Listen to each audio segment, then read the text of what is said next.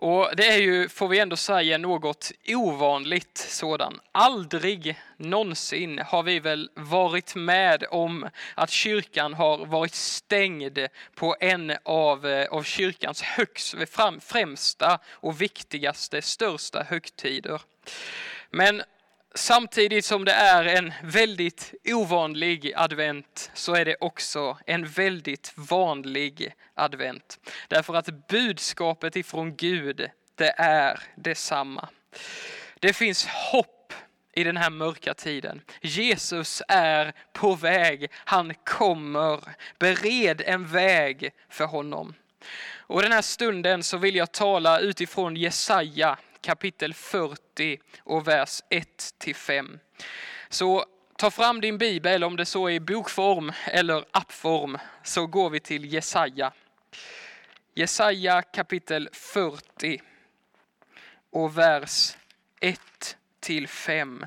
Jesaja han har en av de största, profet, längsta profetböckerna i Gamla Testamentet. Det är inte så svårt att hitta honom. Jesaja 40, vers 1-5 och så ska vi läsa vers 9 11 också. Det står så här. Trösta, trösta mitt folk, säger Gud.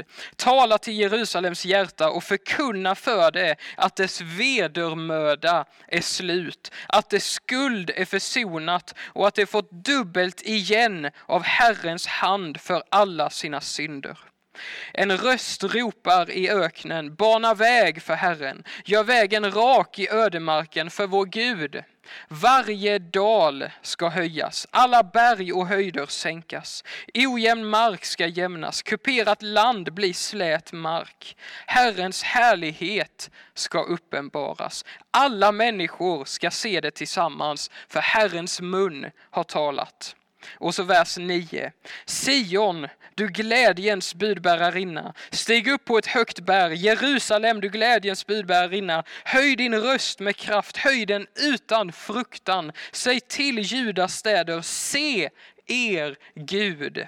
Ja, Herren Gud kommer med kraft. Hans arm visar sin makt. Se, han har med sig sin lön. Hans segerbyte går framför honom. Han vallar sin jord som en herde. Han samlar lammen i sina armar och han bär dem i sin famn. Sakta för han moderfåren fram.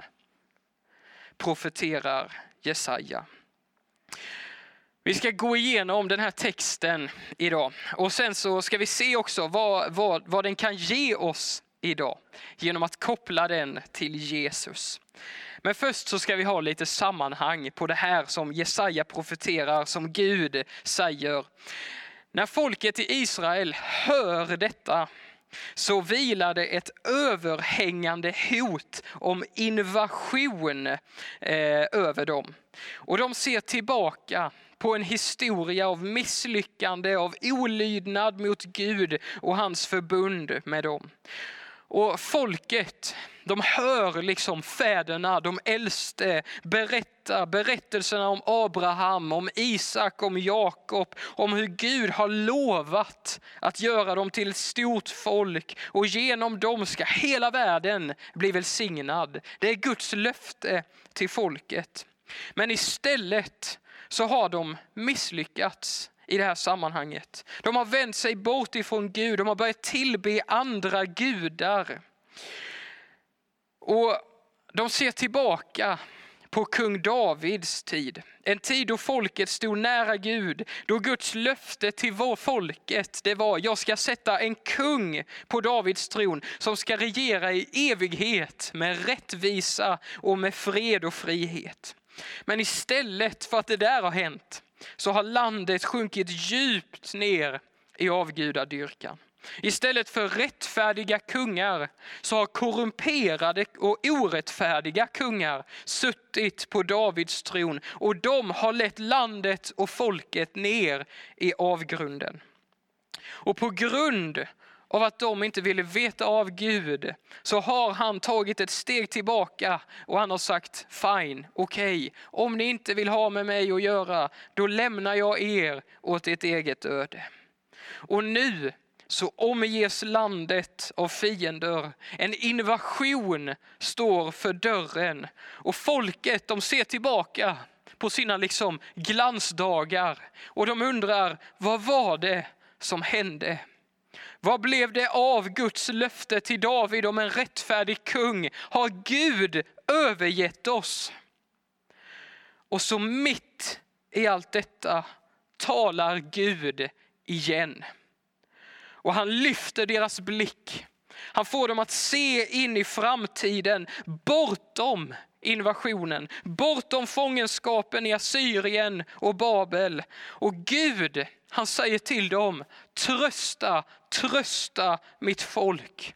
Tala till Jerusalems hjärta, förkunna för dem att dess vedermöda är slut, att dess skuld är försonat och att de har fått dubbelt igen av Herrens hand för alla sina synder. Gud, han kommer ta itu med folkets orättfärdighet och synd. Och utifrån de här verserna så kan vi se att Gud han kommer göra någonting i framtiden som kommer få ha stor betydelse för folket. Och nu kommer det upp en lista med de sakerna som vi kan se att, eh, eh, som vi kan se att Gud han kommer att göra. En sak som Gud han kommer göra som vi kan läsa av den här texten, det är att Gud kommer förlåta synder. Han kommer upprätta relationen med mänskligheten, med människan och med folket. Och det andra han säger, det är att det ska komma en budbärare som ska förbereda folket på Herrens ankomst. En röst ropar i öknen, står det i vers 3. Bana väg för Herren, gör vägen rak i ödemarken för vår Gud. Och den här budbäraren ska gå före Herrens ankomst. Och det tredje som Gud säger för att trösta sitt folk, det är jag kommer, säger han.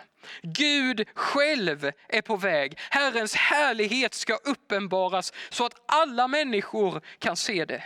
Och vers 9 säger så här, Sion, du glädjens budbärarinna, stig upp på ett högt berg. Jerusalem, du glädjens budbärarinna, höj din röst med kraft säger Gud. Höj den utan fruktan. Säg till Judas städer, se er Gud. Gud han kommer, han är på väg.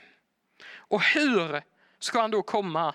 Jo, vers 10. Ja, Herren Gud kommer med kraft, hans arm visar sin makt. Se, han har med sig sin lön, hans segerbyte går framför honom. Gud, han kommer med kraft och han kommer med makt. Men han kommer också, visar texten, med medlidande och barmhärtighet. Vers 9, 11. Han vallar sin jord som en herde. Han samlar lammen i sina armar och han bär dem i sin famn. Sakta, står det, för han moderfåren fram. Så detta är vad Gud säger till sitt folk när främmande makter hotar dem vid horisonten, när invasion är nära förestående och när alla ställer sig frågan, har Gud glömt oss? Då talar han och så säger han nej. Jag har inte glömt er. Det finns hopp. Jag kommer. Jag är på väg, säger Gud. Och på flera ställen i Jesaja så får Gud folket att se framåt, att lyfta blicken. Det finns hopp. Det kommer inte vara så här för alltid. Mörkret har inte sista ordet. Och Jesaja kapitel 9 och vers 1 säger så här.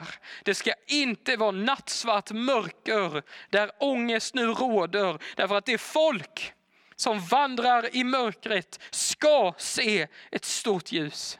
Och över dem som bor i dödsskuggans land ska ljuset stråla fram. Detta hopp om Guds ingripande det var det som bar folket genom lidandet. Det var det som bar folket genom fångenskap, genom invasion. Gud, han kommer. Folket det gick fortfarande genom lidande, men genom lidandet så var de burna av Guds löfte. Jag är på väg, jag ska rädda er. Och sen så går det några år. Det går ganska många år. Jesaja är skrivet 700 år innan Jesus föds. Men folket, de bär detta hoppet inom sig. De är burna av löftet och gång på gång så sänder Gud profeter till sitt folk som talar hopp, som påminner dem, se jag är på väg, jag kommer. Och sen så går det då några år. Folket är burna av löftet och då, då träder Jesus in på scenen. Han visar sig vara allt det som folket hoppats på, även om det var flera som inte trodde på honom. Och i Markus evangeliets två första kapitel så kan man se och läsa att allt det går i uppfyllelse som Jesaja har talat om. Johannes döparen, han träder fram. Han börjar predika, budbäraren, bana väg för Herren. Och det står om hur Jesus förlåter människors synd i Markus 1 och 2. Det står om hur han undervisar med makt och kraft. Det står att inför Jesu ord så flyr de onda andarna. Det står att människor blir botade. Han visar medlidande och barmhärtighet mot folket. Han umgås med dem som ingen annan vill umgås med. Och han kallar på människor som ingen annan skulle kalla på och ville ha att göra med. Han är den gode heden och han går till och med så långt så att han dör i folkets ställe. Och genom sitt offer på korset sonar han mänsklighetens synd. Och allt fullbordas på tredje dagen när han uppstår i härlighet. Jesus visar sig vara den rättfärdige kungen som Israel har väntat på så länge. Han är deras hopp. Och inte bara deras hopp. Utan det visar sig vara så att det är genom honom som Guds löfte till Abraham, till patriarkerna går i uppfyllelse. Det är genom Jesus som alla folk i världen blir välsignade. Och vi är inbegripna i det folket, du och jag. Jesus, han är ditt hopp. Jesus, han är mitt hopp och han kommer. Han är på väg. På Jesajas tid, när allt såg mörkt ut, när främmande makter hotade dem, så lyfte Gud deras blick. Han fick dem att se framåt mot något som skulle komma. Jag är på väg, jag kommer, sa Gud åt dem. Och det hoppet bar dem genom lidandet. Och vet du vad? Idag, den här första advent, så känns det på många sätt som om mörka makter finns och lurar vid horisonten. Större delen av världen är lamslagen av en pandemi. I spåren av den så ökar ensamheten. Den psykiska ohälsan breder ut sig. Statistiken säger att missbruk av alla slag ökar i den här tiden. Så frågan är, finns det något hopp? Finns det något hopp? Är det kört för oss? Bibeln visar, evangelierna visar att det finns hopp. Det som Israels folk såg fram emot, hörni, det kan vi se tillbaka på. Vi kan läsa evangelierna, Matteus, Markus, Lukas och Johannes evangeliet och läsa om Jesus och se att där i finner vi hopp. Därför att Jesus han lever. Vi har ett levande hopp. Vi har inte bara någonting att se fram emot så som Israels folk, utan vi har någonting att se tillbaka på. Att Jesus han lever, han regerar i himlen idag och han vill bo på din insida. Jesus är vårt levande hopp. Han har bevisat att makterna och att lidandet får inte sista ordet. Det finns någonting på andra sidan. Och Petrus, han skriver till en lidande kyrka i sitt första brev. Petrusbrevet kapitel 1. Första Petrusbrevet. Första Petrusbrevet kapitel 1 och vers 3 till 5 säger så här. Välsignad är vår Herre Jesu Kristi Gud och Far. I sin stora barmhärtighet har han genom Jesu Kristi uppståndelse från de döda fött oss på nytt till ett levande hopp till ett arv som aldrig kan förstöras, fläckas eller vissna och som förvaras åt er i himlen. Med Guds makt bevaras ni genom tron fram till den frälsning som är redo att uppenbaras i den sista tiden. Hörni, den människa som sätter sitt hopp till Jesus bär ett levande hopp. Du har ett arv som aldrig kan förstöras eller eh, vissna. Och vi kan alltså se att Gud han har gjort någonting i historien som gör att vi får bära det här hoppet på vår insida. Men vi kan också, precis som Israels folk, se fram emot en fullständig frälsning som kommer.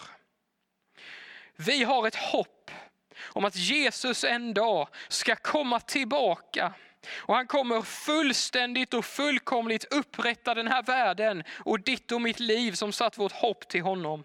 Det här, det är inte ett tunt hopp, det är inte ett glättigt hopp. Det är ett löfte ifrån Gud om att han kommer. Han är på väg, jag ska upprätta allt, jag kommer möta dig.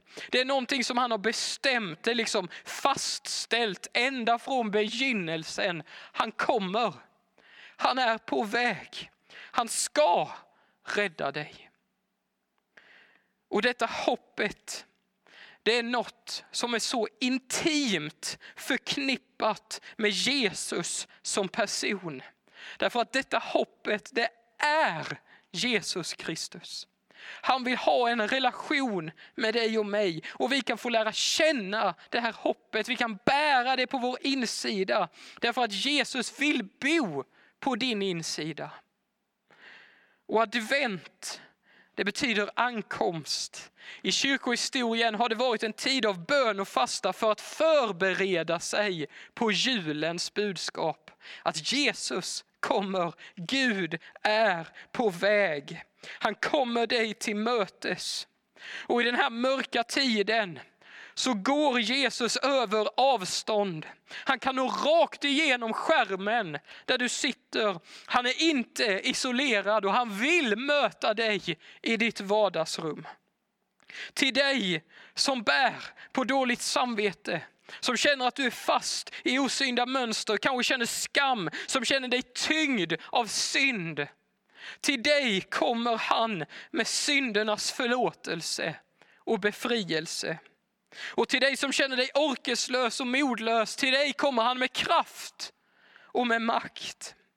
Till dig som känner dig nedslagen och sårad, till dig kommer han med barmhärtighet och medlidande. Han är med dig, han är den gode heden. Hoppet, oavsett vad du och jag går igenom, Jesus Kristus, han kommer dig och mig till mötes när vi söker honom. Det är det vi får hålla fast i den här tiden. Låt oss göra det. Och kanske har du aldrig bett förut. Vet du vad, då är det dags, det är tid att göra det nu. Kanske var det länge sedan du bad. Det är tid, det är dags att göra det nu. Och jag vill den här första advent 2020 bara uppmuntra dig, sök Jesus. Be till honom. Låt hans hopp bära dig i den här tiden. Hör rösten som ropar i öknen, bana väg i ödemarken för vår Gud. Därför att han kommer, han är på väg. Gud vill möta dig med sitt hopp. Hörrni, i så många tusen år har Gud visat sig trofast. Han har visat sig hålla för de människor som söker honom. Och det är sant för dig också i den här tiden. Så oavsett vad du känner, låt oss söka honom. Oavsett vad du bär på, vad du kanske står i under den här coronatiden 2020. Låt oss söka han som är vårt hopp. Han som under många hundratals år har visat sig vara trofast, som har visat att han håller, som har visat sig kunna bära människor genom lidandet. Låt oss söka honom. Hanna och Ronja, de ska leda oss i en sång här nu. Och när vi har sjungit den sången, då ska vi be. Och hörni, jag vill bara den här tiden bara uppmuntra dig och uppmana dig att öppna ditt hjärta för Jesus. Öppna ditt hjärta för hoppet. Hörni, dina och mina omständigheter de kan se mörka ut. Men vet du vad? Att det ska inte vara mörker, nattsvart mörker där ångest nu råder. Och det folk som vandrar i mörkret ska se ett stort ljus. Hörrni, det är Guds löfte till oss idag. Han är på väg, han kommer och han vill möta dig och mig. Så låt oss sjunga den här sången, bered en väg för Herren. Låt oss göra det med ett öppet hjärta, låt oss höja våra hjärtats portar och välkomna Jesus in i vårt vardagsrum och in i våra hjärtan. Så ska vi be sen. Vi sjunger tillsammans.